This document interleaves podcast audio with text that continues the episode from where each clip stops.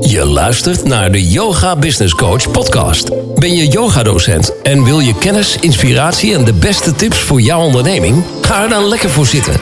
Want hier is, vanaf haar mat, helemaal zen en bruisend van de beste ideeën. Met interviews, Q&A's en talks. De enige echte Corine van Zoelen. Welkom bij de Yoga Business Coach podcast met vandaag aflevering 101. In deze podcast interview ik Stephanie van Workum. En ik ken Stephanie al sinds 2015. We zijn tegelijkertijd begonnen met het maken van een online programma. Zij een coachprogramma en ik destijds een yoga-programma over de zeven chakra's.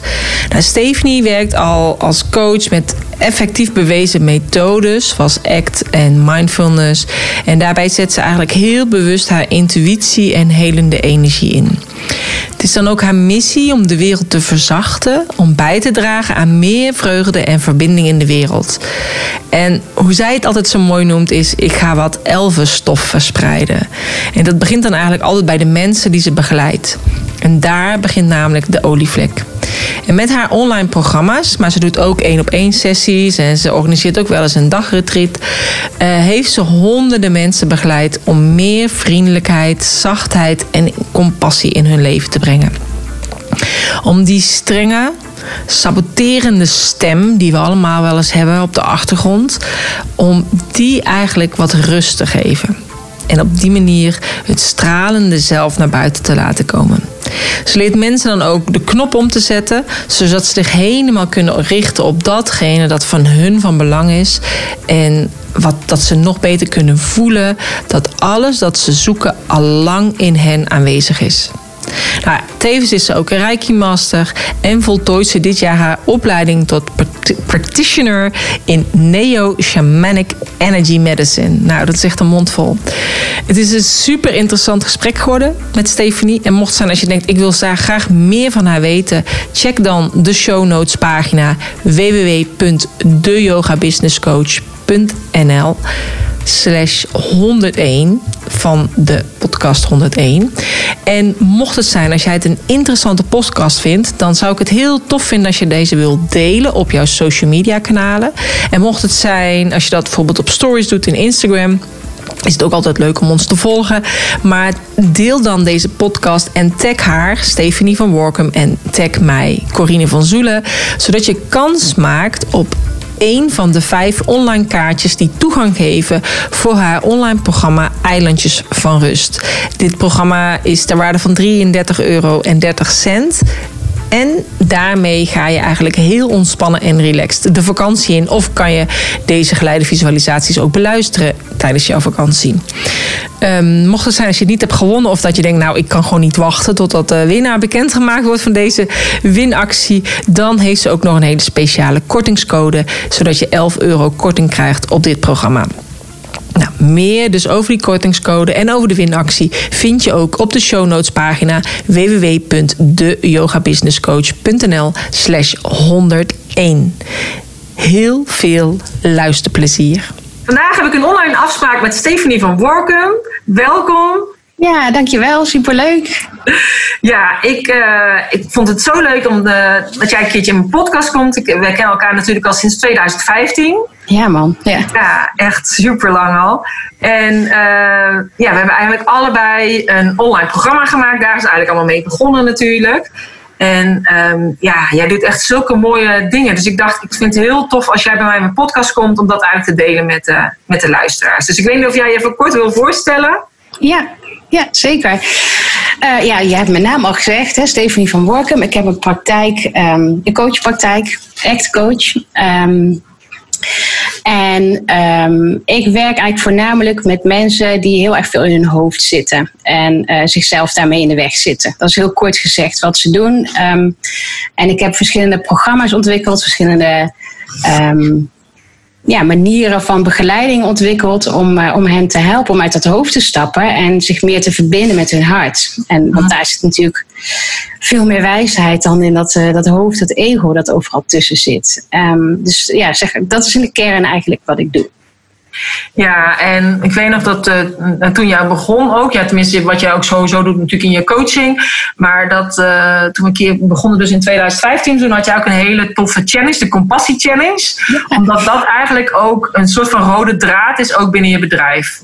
Ja, klopt, ja. Ja, dat was heel leuk. Ik ging toen, uh, ik had een, ging een online programma maken, Stap uit de Piekenfabriek.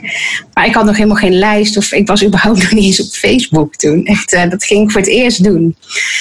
En uh, ja, het is wel slim om iets van een challenge te doen, was toen de tip. En dacht ja, oké, ja, goed. Nou, ga ik gewoon iets verzinnen. En toen voelde ik van ja, wat is een soort rode draad tussen alles wat ik doe. Of door, ja, dat voel je als compassie. Compassie is gewoon dat komt overal in, in terug, zeg maar. Het is zo'n zo'n belangrijke uh, pijler onder alles wat ik doe. Dus ik heb toen inderdaad Compassie Challenge georganiseerd. En van totaal niet op Facebook had ik in één keer 3000 deelnemers. Echt, nou, het was een beetje, beetje heftig, vond ik dat toen ook. Ik vond het heel leuk om te doen. Um, maar ook echt een, uh, ja, ik werd erin geslingerd, zeg maar. Doorheen gesmeten in die online wereld.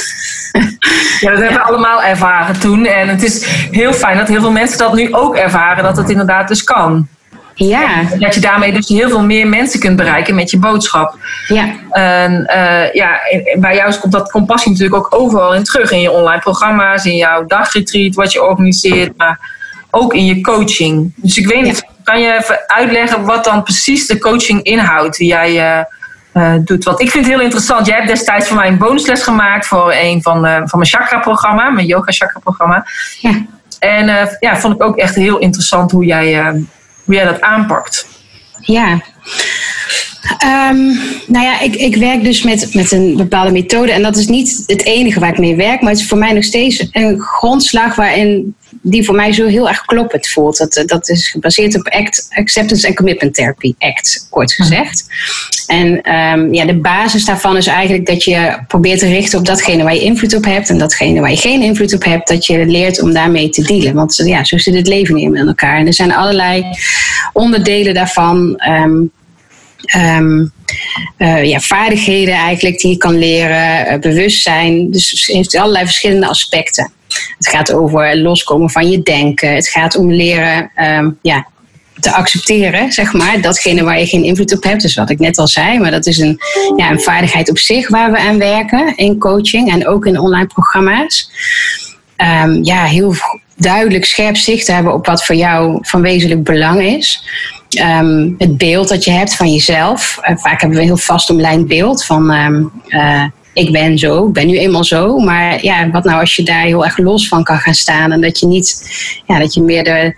Um, ja, dat je al die kanten van jezelf, dat die gewoon allemaal gelijkwaardig zijn. Dat je niet het ene hoeft te zijn en het ander niet mag zijn. Of dat wanneer je hoopt dat je het ene bent, dat je heel erg teleurgesteld bent en dat je het, dat je het ineens niet bent of zo. Dat je dan in één keer van je voetstuk valt.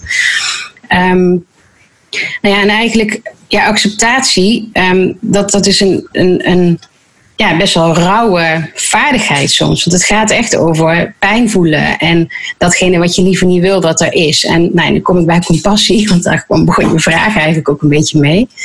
En voor mij voelt compassie als een soort van, ja, zo'n zacht dekentje dat je daar overheen kan leggen dat in het moment dat je het moeilijk hebt, en dat is zo, hè, weet je, dat, dat is gewoon, soms is dat gewoon even is dat een gegeven dat het moeilijk is.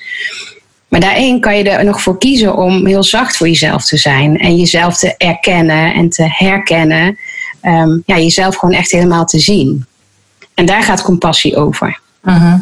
En, en dat, ja, dat, dat is, is eigenlijk iedere keer weer. Um, wat ik zie bij mijn klanten bijvoorbeeld, is dat ze dan zijn ze dat aan het leren en dan zijn ze de week daarna boos op van ja, ik heb niet gedaan wat ik me had voorgenomen. en ja, ik zal nooit zeggen van oh, wat slecht dat je dat niet hebt gedaan. Of, of hé, hey, maar dat moet je volgende keer wel doen. Maar ja, dat is de oefening is dan. Oké, en, en op het moment dat je dan baalt dat je het niet hebt voorgenomen, kan je dan ook daarin zien hoe hard je het wel aan het proberen bent. Of hoe graag je het eigenlijk wel wil. Of ja, jezelf toestaan dat, je, dat het soms gewoon even niet lukt. En dat gaat niet over ja, dat je een beetje achterover gaat leunen en een soort van gezapig van ja, joh, hè, maakt allemaal niet uit. Maar het gaat juist over heel actief um, ja, openstaan voor jezelf en, en niet een afwijzende, maar een steunende houding aannemen. Ja, want uiteindelijk ben je dan toch weer een soort van boos op jezelf. Ja. Ja, ik zou lief zijn voor mezelf, of ik zou meer rust nemen. Dan heb ik het weer niet gedaan. Ja, ja, en dat is het ego. Dat, heeft gewoon, dat is gewoon heel sneaky. Want je bent aan het proberen om het los te laten. En dan ga je iets doen wat je helpt om dat ego los te laten. En dat kaapt hij vervolgens om je er vervolgens op te wijzen dat je het niet goed doet. Ja, dus ja dat vind ik altijd heel mooi ook om te zien. En ik, ja, we lachen ook heel veel. Want het is juist ook ja, de luchtigheid en het zien hoe je systeem werkt en hoe, hoe bizar af en toe ons hoofd in elkaar zit, kan ook helpen om het uh, wat minder serieus te nemen allemaal. Ja. Ja, want we zijn soms best wel serieus natuurlijk. We nemen onszelf wel erg serieus ook. Ja joh, heel serieus. En dat hoofd al helemaal. ja, ja, en dat is ook... Ik vind dat zo'n mooie... Uh, zo mooi hoe Brené Brown die zegt dat heel mooi van ons, uh, ons hoofd, die, ja, dat is een verhalenverteller. En uh, we luisteren vaak naar de shitty first draft, zo noemt ze dat. Het, uh, ja, een beetje een shitty story die ons hoofd bedenkt. En daar, daar luisteren we dan naar. Ja. En, nou ja, en als je dat dus gaat horen van wat zegt hij nou eigenlijk? Ja. Dan, ja, daar word je meestal niet zo blij van. Of meestal, nee, dat is niet waar. Maar als je het goed gaat luisteren naar wat het hoofd allemaal roept en, en het ziet voor wat het, wat het doet. En vooral de vraag die ik bijna altijd stel is van hoe voelt dat dan als je dat tegen jezelf zegt? Of als je hoofd of je ego dat tegen jezelf zegt of je verstand. Mhm. Probeer het ook even los te koppelen, want ja, je bent niet wat je denkt. Um, dus je verstand, ja, wat, hoe voelt dat dan? Ja, voelt dat, maakt, het dan mak, maakt het dan makkelijker om het vervolgens wel te doen? Ja, nee, eigenlijk niet. Ik voel me vooral uh, helemaal heel erg rot nu. En dan baal ik nog meer en dan ga ik die zak chips leeg eten. Die ik me had voorgenomen dat ik die niet zou leeg eten. Ja. Of weer extra koffie drinken. Of nou ja, noem maar op. Ja, maar ik denk ook, ja, dat is natuurlijk wat wij als yogadocent ook zeggen. Van, je bent niet je gedachten.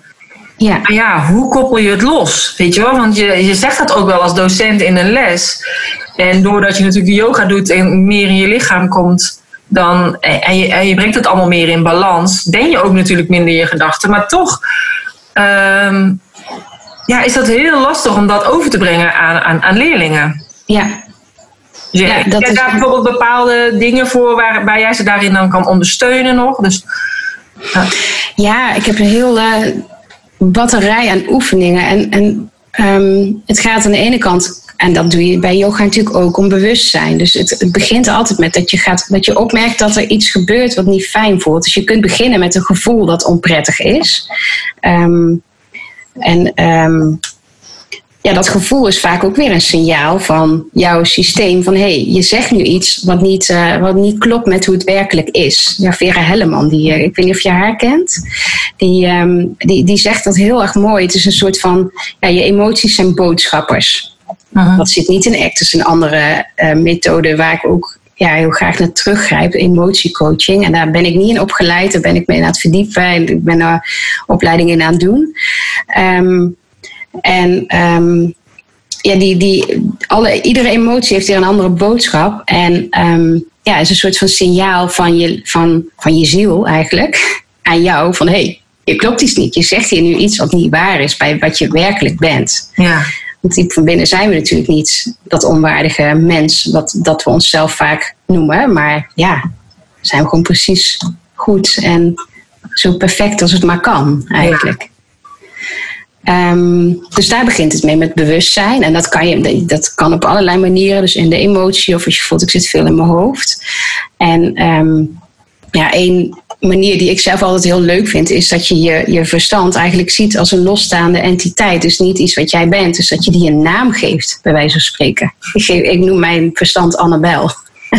Oh ja, en dat heb ik heel lang gedaan, maar dat is nu, de laatste tijd doe ik dat eigenlijk niet meer zo. Ik heb het blijkbaar niet meer zo nodig, denk ik. Maar heel lang heeft me dat zo geholpen. Ook zelfs in communicatie met mijn vriend. Dan denk ja, Annabel is weer bezig. Of dan riep hij van, oh, volgens mij hoor ik nu Annabel uh, in plaats van jou. Ja. En dat je echt een karakteromschrijving geeft van oké, dat hoofd en wat roept hij allemaal. Het is een beetje een tuttebel. En ze wil graag dat mensen me aardig vinden. En dat ik, ja, ik mag geen fouten maken. Ik moet vooral ook heel veel aandacht hebben voor iedereen om me heen. En, um, en tegelijkertijd um, um, ja, moet ik ook goed aan mezelf werken. En, en moet ik wel dat. In, en zit, het is heel sneaky, want er zitten dingen bij die ik zelf heel belangrijk vind. Maar het verschil is dat, uh, dat wat zij noemt, dat, het druk, dat er druk op staat en dat het moet. En dat het niet. Um, ja, dat, ik, dat ik geen keuze heb, zeg maar. Mhm. Ehm, maar door zo dus als een losstaande entiteit te zien. En kan je bijna een gesprekje gaan voeren. Je kunt ook eh, bij wijze van spreken een knuffelbeest naast je neerzetten. Van oké, dat is nu even mijn verstand. Of hardop ehm, een gesprek gaan voeren met je verstand. Met twee verschillende stemmen. en het is echt verbazend. schizofreen allemaal nu. Echt je? Dan word je een beetje schizofreen. Ja, precies. Ja. Maar dat is natuurlijk eigenlijk ook als je, zo, als je die stemmen in je hoofd dus gaat beluisteren wat die allemaal roepen. Ja. Hè, daar zijn, ja, en er zit dan zo'n stem onder van het weten en wat je, hart, wat je in je hart weet. En die praat meestal niet zo hard als dat ego. Mhm. Ehm, ja, mijn ervaring is wanneer je ehm, het gaat herkennen wat hij zegt, kan je er ook makkelijker van loskoppelen. Mhm. Ja, en het kan ook een meditatie. Dus er zijn heel veel manieren ja, door te gaan kijken waar, welke gedachten heb ik, kan ik ze voorbij laten drijven. Ehm, maar ik vind dat spelen vooral ook altijd heel leuk. En een oefening die ik ook vaak meegeef aan mensen als ze heel erg in hun hoofd zitten: van ja, spreek het eens in op een voice recorder, wat er nu allemaal, wat er nu allemaal door je hoofd gaat. Mhm. En luister het dan terug. En dan Ja. kan je misschien een stem die erbij passend. Hè? Dus als je een beetje bang bent, dan maak je je stem een beetje angstiger. Of als je boos bent, dan dik je het een beetje aan ook. En door het terug te luisteren, het, letterlijk wat je doet, is dat je de gedachten in een andere context plaatst. Dus je sta, eerst zaten ze in de context van je hoofd. En in je hoofd, eh, als, je, als ze daar een beetje verstopt zitten en je bent er niet van bewust, dan gaan er allemaal ja, verbindingen eh, gemaakt worden naar het stresssysteem dat aangaat. Ik moet nu zorgen dat ik het gauw, dat ik gauw doorga of dat ik dit snel oplos. Ehm, maar op het moment dat je die context letterlijk verandert, gewoon door het in je telefoon te zetten en daarna te luisteren, ehm, creëer je afstand en kan je het ook gaan zien voor wat het is. En dan kan je gaan kiezen van oké, help mij dit nu. Dat ik dit nu tegen mezelf zeg. Of kan ik, ehm, ja, en, en, en zo niet, wat vind ik dan belangrijk om te doen? Hoe wil ik eigenlijk hier graag mee omgaan? Ja. Ik weet niet of je daar, eh, of dat de antwoord is op wat je, Ja, nee. je vroeg. Want ik ga los als jij die vraag stelt. Nee, ik denk dat het wel. ehm, ja, ik zat zelf helemaal. Ik ga helemaal denken van, oh, hoe, hoe heb ik dat dan in mijn hoofd? Dat, dus dat kwam er eigenlijk allemaal in mijn hoofd. Ja. En eh, als ik moet gaan zeggen wat er allemaal in mijn hoofd omgaat, en ik praat heel snel, kan ik het niet eens vertellen. Zo snel gaat het in mijn hoofd. Ja, dat kan ik me iets bij voorstellen bij jou. En eh, als ik dus bijvoorbeeld ook s'avonds op bed lig, dan denk ik even, oh ja, dat is, dat is echt heel belangrijk. En dan denk ik, ja nee, dit kan wel wachten tot morgen, Corine. Dan denk ik, nee, ik, ik ga, maar dan schrijf ik het dus nu gewoon op. Dus ik heb gewoon Ja. standaard pen en papier op mijn bed en dan schrijf ik het op. En dan vind ik het echt heel belangrijk. Dan dacht ik, het eerste wat ik morgen vroeg moet doen, is dat. Ja, maar dat kan ook supergoed helpen om even dingen, even een soort van ventieltje of zo, even opschrijven. En soms is het dan weg. Maar het kan ook zijn dat je dan in een soort van, ja, dat het een het ander oproept, hè? Ja, maar ik heb dan juist als ik dan ochtends wakker word en ik pak dat papiertje, dan denk ik, nou, dat was helemaal niet zo belangrijk. Dus dat is het. Oh ja, leuk. Maar s'avonds dan denk ik echt, oh ja, dit moet nog doen en dat moet nog doen. Dat heb ik altijd. Ja, En dan, eh, dan valt die pen, pen natuurlijk weer op de grond. Dus dan moet ik dat weer grabbelen in het donker. Want ik, ik noteer het dan ook allemaal in het donker. Dus het is dan heel erg groot. En soms schrijf ik over de andere woorden heen. Dus kan ik ook 's ochtends niet meer lezen wat ik geschreven heb. ja oh, leuk. Ja. Ja, ik wil dan niet het bedlampje aanmaken. Want dan wordt mijn man wakker. En die zegt, wat ben je nou allemaal weer aan het doen? Maar dat komt natuurlijk omdat ik helemaal die pen aan het grabbelen ben. ja. Maar ja, dus dat. Oké, dus dus eh, ik herken het wel met die woorden. Maar ik denk, als ik het dus inderdaad zou inspreken voor mezelf... zou ik niet mijn gedachten bij kunnen houden. Dat is het. Ja, die gaan gewoon heel hard. Ja, die gaan Ja, dat, heel is ook, dat is ook idioot. En je hoeft ze natuurlijk ook niet allemaal te hebben. Maar een soort van strekking. Of ehm, ja, wat ik ook een hele mooie oefening vind. Dat is die shitty first draft. Of wat is het verhaal dat jouw verstand jou steeds vertelt. Ik bedoel, het verhaal eh, waar ik nog wel eens in verzeil is, verzand raakt. Is ehm, eh, ja, je moet wel hard werken. Als je hard werkt, dan, dan heb je resultaat. Ja, Maar mijn ervaring zegt iets heel anders. Die zegt als ik een stapje terug doe, dan, eh, ja, dan voel ik wat, er, wat, ik nu, wat ik nu eerst eerste mag gaan doen. Stel je hebt nou al die gedachten. Wat is dan eigenlijk ook een hele goede manier om eigenlijk los te komen van die gedachten? Ehm, ja, er zijn heel veel manieren. Maar er is er eentje die ik wel heel krachtig vind. En ik denk dat veel mensen die eigenlijk ook wel kennen. Ehm, en die is van Byron Katie, The Work. Zij heeft echt de, ja, de vier vragen die je leven veranderen. noemt ze die. En ehm, ja, bijvoorbeeld, je zit helemaal in de gedachte. Kan, heb je, kan je een voorbeeld noemen? Bijvoorbeeld, ik ben druk of zo. Dat is zo'n gedachte die heel dringend kan, kan zijn. Hè?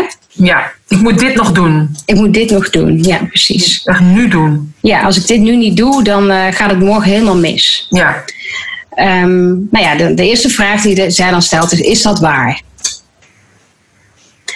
En um, nou ja, als je er middenin zit, kan je misschien wel roepen ja. maar de bedoeling is ook dat je echt even gaat voelen van even je ogen dicht, even voelen, is dat waar?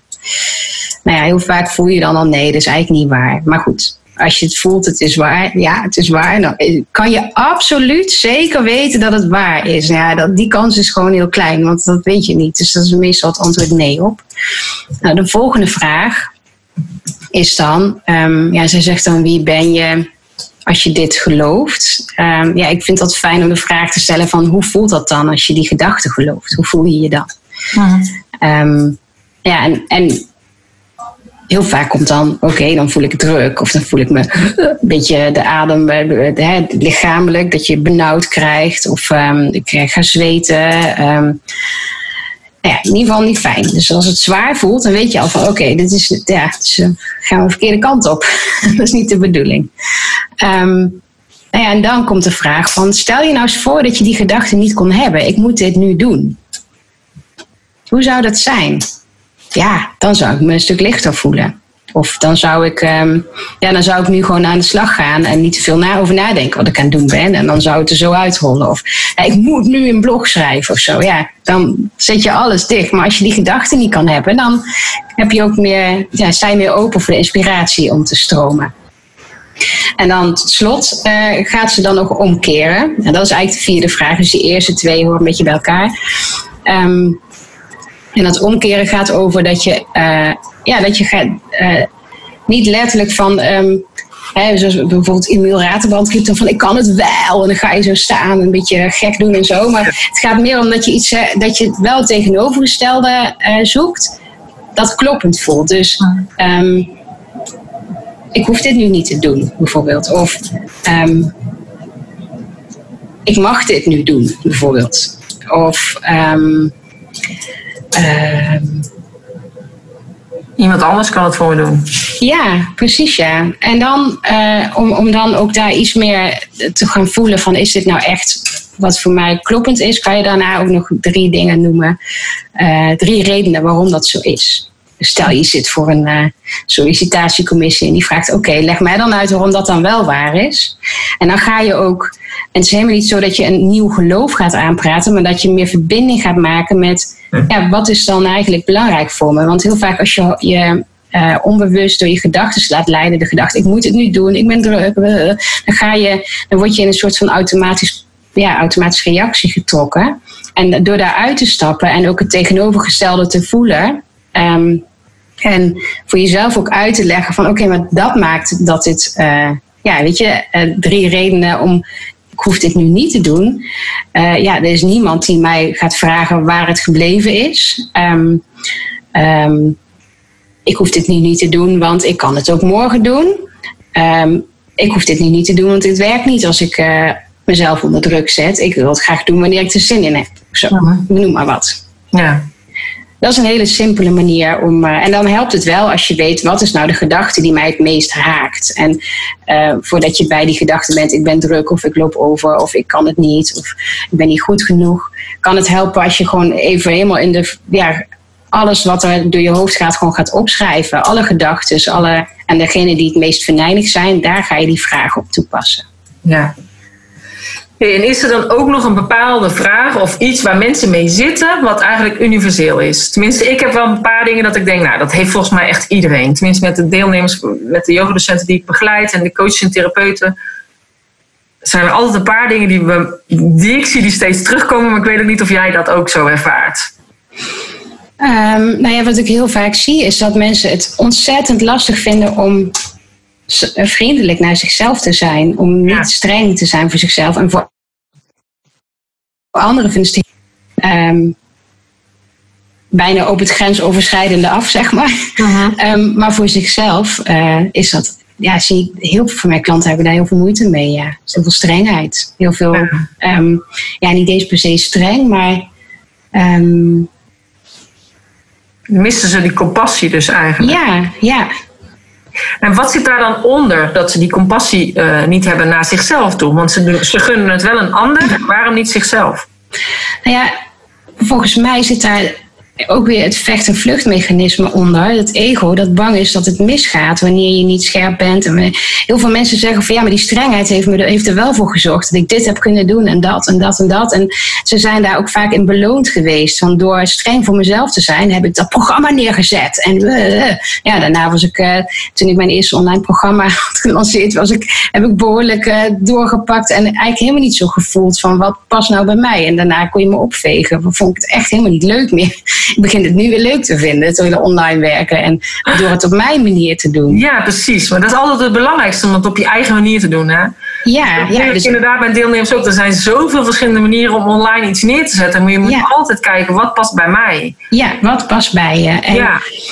Um, maar goed, en plan voor succes. Ja, nou ja, wat, wat ik soms zelf zie gebeuren. Dus in de, ik heb een programma dat helemaal over compassie gaat. En daar ga je uh, dus kijken van die interne criticus en wat roept hij allemaal. En dan ga je het loslaten. En mensen vinden dat. En, dat, dat, en als je het van tevoren bedenkt van, oh wat heerlijk als ik dat los ga laten. Dan ben ik, ik heel graag, ben ik heel blij van. Maar in de praktijk zie je dat mensen dat soms vreselijk vinden heel eng. Want dan ben je bijna, ja, het voelt bijna naakt. Want je hebt dat beschermingsmechanisme. Het is echt een beschermingsmechanisme. Alleen het is iets wat je beschermt tegen een denkbeeldige vijand die er, die er in feite niet is. Uh-huh. En op het moment dat je die kan gaan. Ja, dat je dat gaat zien, wordt het ook makkelijker om het los te laten. Maar daarvoor moet je eerst loslaten. Ja. En loslaten is gewoon heel spannend. Nou ja, en wat jij zegt, het is iets wat je ergens heeft gebracht.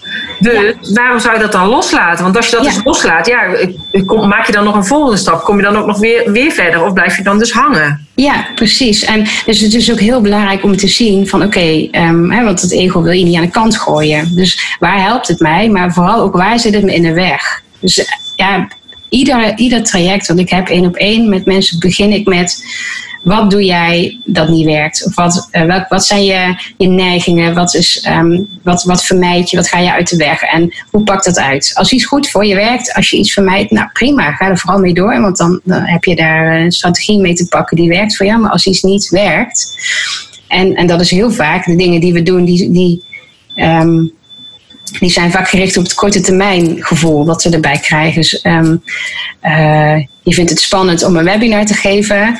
Ehm, nou, dan geef je geen webinar.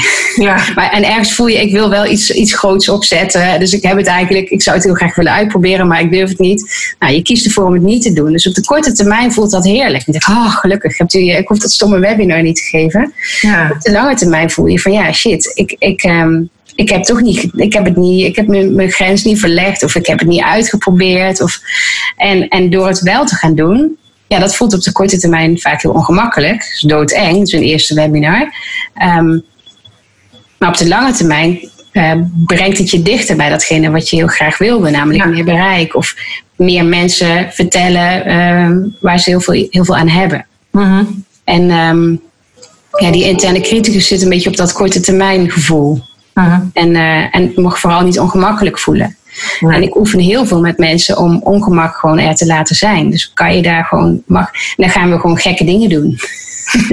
dus eh, je trekt een keertje, eh, ja, voor, voor de ene is het twee verschillende kleuren sokken aandoen. En voor de ander is het aan de andere kant van het bed gaan slapen een nacht. En, en voor weer een ander is het ehm, maar twee keer in de week douchen in plaats van elke dag. Dus ieder, voor iedereen is iets anders ongemakkelijk. En dan kiezen we iets wat voelt als nou, dat is wel te doen, maar dat is wel een beetje tegen. Ja, dat, eh, dat, Ja. wel- dat gaat wel ongemak oproepen. Het is een soort van ja, exposure aan ongemak. En dan leren, oké, maar dan hoef ik dus niet meteen voor, toch wel onder die douche stappen. Of eh, aan de andere kant van het bed gaan liggen, maar gewoon voelen dat ik ongemak kan hebben. En dat ik dan de volgende dag ook gewoon wakker word en toch heb geslapen. Of ja, dat ik nog leef. Ja, dan moet je ook een partner hebben die daar natuurlijk dan ook voor open staat. Ja. Als, je van als, je, een autistische partner denkt, ja, maar ik wil hier dit is mijn Nee. plekje, dan wordt het alweer heel lastig natuurlijk. Ja, dat klopt. Dus we moeten echt iets kiezen wat, wat, gewoon, wat ook wel te doen is. Waar je die ander geen pijn mee doet. Ja. Ja, nee, dat is wel grappig. Nee, ja, wat ik heel vaak merk is dat mensen inderdaad eh, ehm, bang zijn van, ja, wie ben ik nou eigenlijk? Dus dat, van ja, wie ben ik nou? Ja, Eh, ja. wat heb ik nou te brengen? Ehm, dat dat eigenlijk altijd onderliggend is aan alles. Daardoor Ja. durven ze niet zichtbaar te zijn. Daardoor durven ze niet te laten zien wat ze in huis hebben qua, qua kennis met betrekking tot yoga of coaching. Ja, Gewoon Dat- eigenlijk ook het bang zijn voor het succes. ja, voor je eigen licht eigenlijk bijna. Hè? Ja, eigenlijk ja. Inderdaad, je eigen licht laat je eigenlijk doven daardoor. Ja. ja, en er zijn natuurlijk ook veel mensen in jou. eh, het is mooi, want jij werkt natuurlijk echt met lichtwerkers die in hun in die ehm, ja, vorige levens hebben gehad waarin ze heel erg afgestraft zijn voor, eh, Ja. voor het laten zien van hun licht. Dus dat, Ja. kan, dat kan meespelen. Maar wat, eh, wat ik heel mooi vind, wat Tara Brach, ken je haar? Dat is een Amerikaanse uh, ja, boeddhistische ze is psycholoog, maar ze dus geeft ook retraites en Mhm. mooie meditaties heeft zij. Ehm, ze heeft een aantal boeken geschreven en zij heeft het over de trance of unworthiness, waar wij in zitten met z'n allen. Een soort van trance is dat.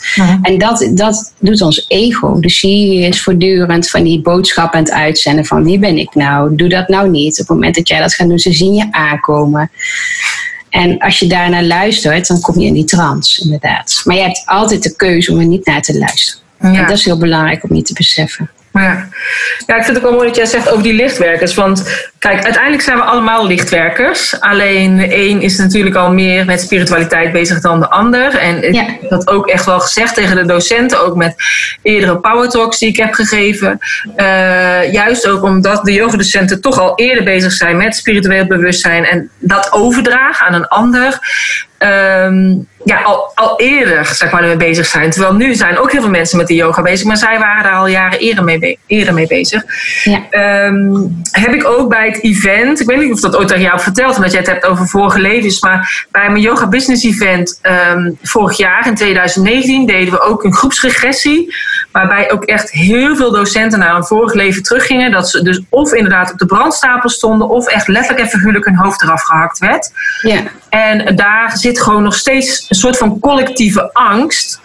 Van ja, steek je kop niet boven het maaiveld, want hij kan dus afgehakt worden. Ja. En, eh, en hou inderdaad, wat, hetgeen wat je wil zeggen of wat je graag wil zeggen, hou dat maar voor je. Ja. Ja, doe dat vooral maar niet. Het is gevaarlijk. Ja. Ja. Ja. Kijk, en ik denk, we hebben natuurlijk destijds allemaal afgesproken, oké, we gaan het er gewoon niet meer over hebben. Dus daarom is natuurlijk ook heel lang niks meer geweest over spiritualiteit. Maar je ziet wel echt de laatste 20, 30 jaar, eigenlijk natuurlijk sinds de 60 jaar is het natuurlijk meer begonnen, dat het echt weer meer teruggekomen is over astrologie, eh, eh, ja, yoga, meditatie. En het heeft nu heeft natuurlijk een hele vlucht genomen. Nu doen heel veel mensen het. Ja. Dus zelfs op verjaardagsfeestjes en zelfs artsen. Als je bij de huisarts komt en je zegt ik slaap slecht, dan wordt al geadviseerd ga yoga doen. ja, mooi is dat toch? Ja, maar dat kon je tien jaar geleden niet voorstellen, want het was Nee. nog steeds wazig. Ja. Dacht, nou, Ja, neem maar, neem maar een, ja, mee zweven of ja, neem maar eh, iets kalmerends. Ja. En dat is nou juist, weet je, het is zo belangrijk om, want het is zo menselijk om al die gevoelens te hebben ook. ja. En ehm, ja, maar mooi wat je zegt, dat jullie dat gedaan hebben ook. Heel, heel gaaf. Ja, het was heel mooi. Het is ook heel mooi, want we hadden die groepsregressie gedaan met Ira en ook heel mooi omgezet om te kijken wat kun je daar dan uithalen. Hè, welke les heb je in dat leven geleerd en en mag je dus nu gaan doorzetten in dit leven? Ja, Eh, ja, dat, dat is ook echt heel mooi gedaan. Maar ook heel bijzonder dat dat, ehm, dat, dat bij heel veel dus naar boven kwam. Ja en, en dan is dat, dat reptiele brein, dat is eigenlijk waar, die, waar, die, eh, waar dat ego of dat verstand, of hoe je het dan ook wil noemen, waar dat zit. Ehm, ja, is misschien ook wel terecht dat hij een beetje bang is hè, door die leergeschiedenis. Die, eh, ja, die heeft dat ook allemaal meegekregen. En nou, een van, wat, wat ik altijd heel mooi vind, is om ook die dan vervolgens met compassie te gaan benaderen. Want je kunt ook heel boos gaan worden en je af gaan zetten. En ik baal, ik wil niet in die daarin getrokken worden. En, maar dat je het ook kan zien voor wat hij probeert te doen. Die is bang en die wil je ehm, beschermen voor iets. En dat je die dus gerust kan stellen. Van joh, weet je, we zitten in een... De tijden zijn veranderd. Het is helemaal veilig nu. Ik kan het nu wel gewoon zeggen. Ja, Ik zie wel wat je wilt doen. En dat vind ik heel lief van je, maar het helpt niet zo. ja, En ehm, dus om op die manier ehm, ja, een soort van koestering van je ego ook. eh, die, ja, die, die, die is er niet voor niks. Ja.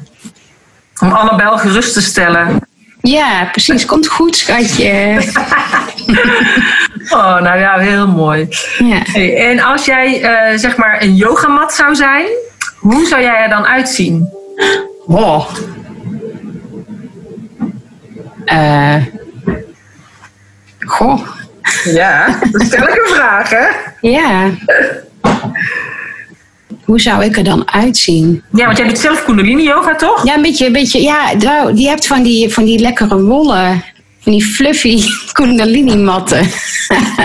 die wil ik altijd nog een keer, die heb ik niet. Maar dat is een beetje zo'n fluffy, zachte mat, denk ik. Ja. Die, ehm, ja, die helpt om een soort van, eh, terwijl je je voeten op de grond hebt, wel dat je wel lekker warme voetjes hebt. Ja. Toch geaard en toch zacht. En Ja. toch een beetje dat dekentje waar jij het over had. Ja, Met die compassie naar jezelf. ja, ja, precies. Ah, mooi. En is er nog iets dat jij denkt, oh, dat zou ik echt nog heel graag even willen delen? Oh jeetje, ja, daar, daar, ik zou nog uren door kunnen gaan. Ehm, nou, er is één ding, één zin die mij altijd heel erg helpt om, ehm, eh, om terug te pakken naar die. Ja, als je voelt van oké, ik zit mezelf weer op mijn kop of ik ben weer bezig om eh, mezelf klein te maken, om mijn licht te dimmen. Ehm, en dat is de vraag: wat zou iemand doen die van zichzelf houdt? Mhm. Of wat zou iemand die van zichzelf houdt doen? Ja. Ehm, en ehm, soms is het namelijk lastig om te bedenken van wat zou ik nu kunnen doen waar- waaruit blijkt dat ik van mezelf houd. Maar als je het ziet van iemand die van zichzelf houdt, die zou nu. Je hebt altijd wel zo'n voorbeeld om je heen van iemand die heel makkelijk daar. Die voelt zich niet lekker en die besluit: oh, dan ga ik vandaag niks doen. Ik ga lekker naar de sauna. Mhm. Of ehm, die heeft geen zin in een bepaalde afspraak. En die, ja, die, die kiest er dan ook voor om, eh, om het te verzetten. Of, ehm, dat is dan iets waar, waar ik dan naar kan kijken. Van, oh ja, voor mij is, is dat echt iemand die van zichzelf houdt. Die, die volgt dat. Ehm, en ehm, ja, mij kan dat heel erg helpen om, ehm, om mijn beslissingen ook te nemen. Dus als ik voel van oké, nu... nu ga ik weer eh, dingen moeten van mezelf. Oké, wat zou iemand doen die van zichzelf houdt? Nou, die zou nu lekker naar buiten lopen en even een rondje gaan wandelen. Ja. ja, dat is wel een mooie. Ja, ik vind het altijd heel goed ook als mensen dat aangeven. Ja, Dus ik, weet je wel, je hebt natuurlijk zelf dat je bijvoorbeeld, als je zelf een feestje heeft, heb je ook dat mensen zeggen, ja, het komt me nu niet uit, of ik voel me niet lekker. Dan, dan zeg ik ook, oh, dat is heel goed, weet je wel, denk aan jezelf. Maar als je dan zelf naar een feestje moet gaan en je denkt, oh, eigenlijk voel ik me niet lekker, dan vind ik het dus heel vervelend om dat af te zeggen. ja, ja, dat is ook een soort van niet helemaal sociaal geaccepteerd aan de ene kant. Ja, En aan de andere kant is het, is het, ja, kan het bijna niet zuiverder dan dat, hè? ja. Nee, is het eigenlijk heel goed dat die ander dat doet. Weet je, dat is echt wel Ja. iets waar je jaloers op kunt zijn eigenlijk. Ja, Zo ja, ja, die durft precies. dus wel voor zichzelf op te komen. Ja, Maar heel knap. En dan stimuleer je dat eigenlijk ook door te zeggen. ja precies, ja. Ja, nou, ik vind het wel heel Practice what you preach. Ja. Ja, precies. Nee, maar het is wel een hele mooie. Wat zou iemand doen die van zichzelf houdt? Nou, Ja. Prachtig om mee af te sluiten. In ieder geval eh, hartstikke bedankt voor je tijd. ja, ik vond het heel leuk om te doen. Ja, oké. nou, superleuk. Super bedankt voor het luisteren. En ik hoop dat je net zo genoten hebt als ik. Mocht het zijn, als jij denkt, ik wil deze podcast graag delen, tag dan Stephanie van Workum, tag mij, Corine van Zoelen. En je maakt kans op één van de vijf gratis online kaartjes voor haar programma Eilandjes van Rust. Meer over haar programma, meer over haar website, haar social media kanalen om haar te volgen. Of kan je niet wachten en wil je graag het programma aanschaffen? Dan heb ik dus een hele mooie kortingscode voor jou. En die vind je allemaal op de show notes pagina www.deyogabusinesscoach.nl slash 101. Dankjewel voor het luisteren en graag tot een volgende keer. Namaste.